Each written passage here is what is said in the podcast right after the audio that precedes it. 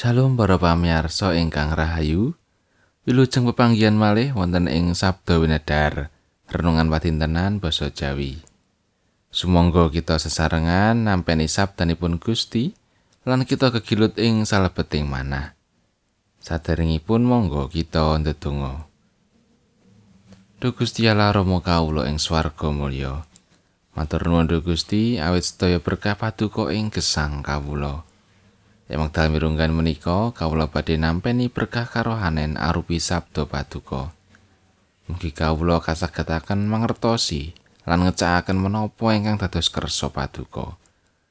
Kawula ngrumaosi Duh Gusti, tasih kathah dosa panerak kawula ing ngarsa paduka.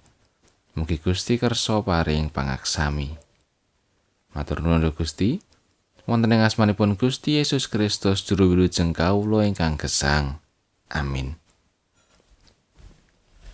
Maosan dinten menika kapendet saking kalih Samuel bab gangsal ayat 11 ngantos 16. Prabu Hiram ratu ing negara Tirus nglampahake utusan marang ngarsane Sang Prabu Daud lan ngintuni kayu eres sarta tukang kayu lan tukang batu. Iku padha nyasakake kraton Sang Prabu Daud. Sang Prabu banjur mangertos yen Sang Yewa wis netepake panjenengane dadi ratune Israel lan ngluhurake paprintahane marga saka Israel umat kagungane.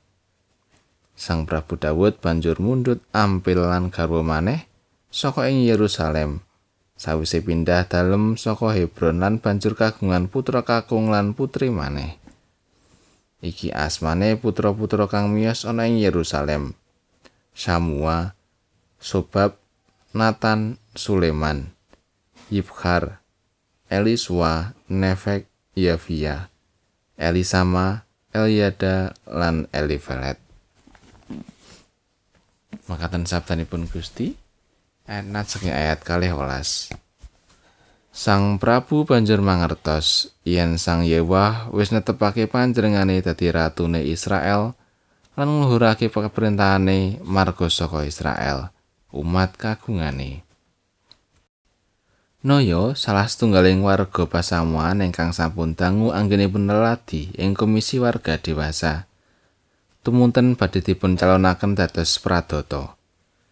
Ananging Noyo menika mboten kersa nampi timbalan menika kanthi werni-werni alasan.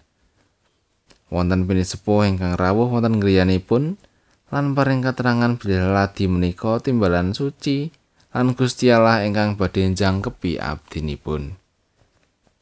Nalika Prabu Daud badhe tinimbalan dados ratu ning Israel, Gusti Allah ingkang nimbali ngagem lan paring kawasisan dhateng Prabu Daud.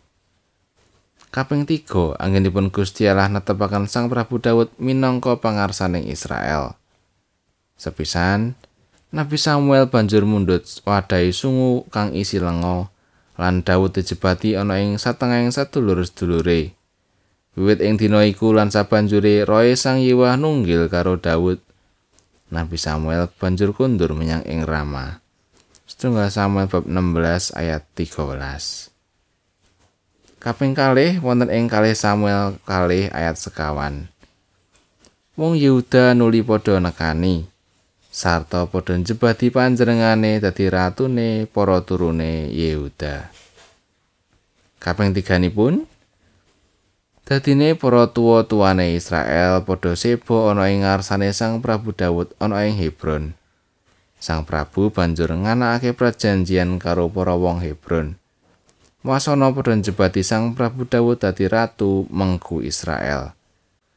Kalih Samuel gangsal ayat 3. Tembung wiwit ing dina iku lan sabanjure roe Sang Yewah nunggil karo Daud. Setunggal Samuel 16 ayat 13b. Ayat menika ngemusu raos. Bilih tiyang ingkang katimbalan leladi mesti dipun kanthi dening Gusti. Kalebet menawi kita sami dipun agem dening Gusti, mesti badhe dipun paringi kesagetan lan dipun kanthi dening Gusti. Amin. Gusti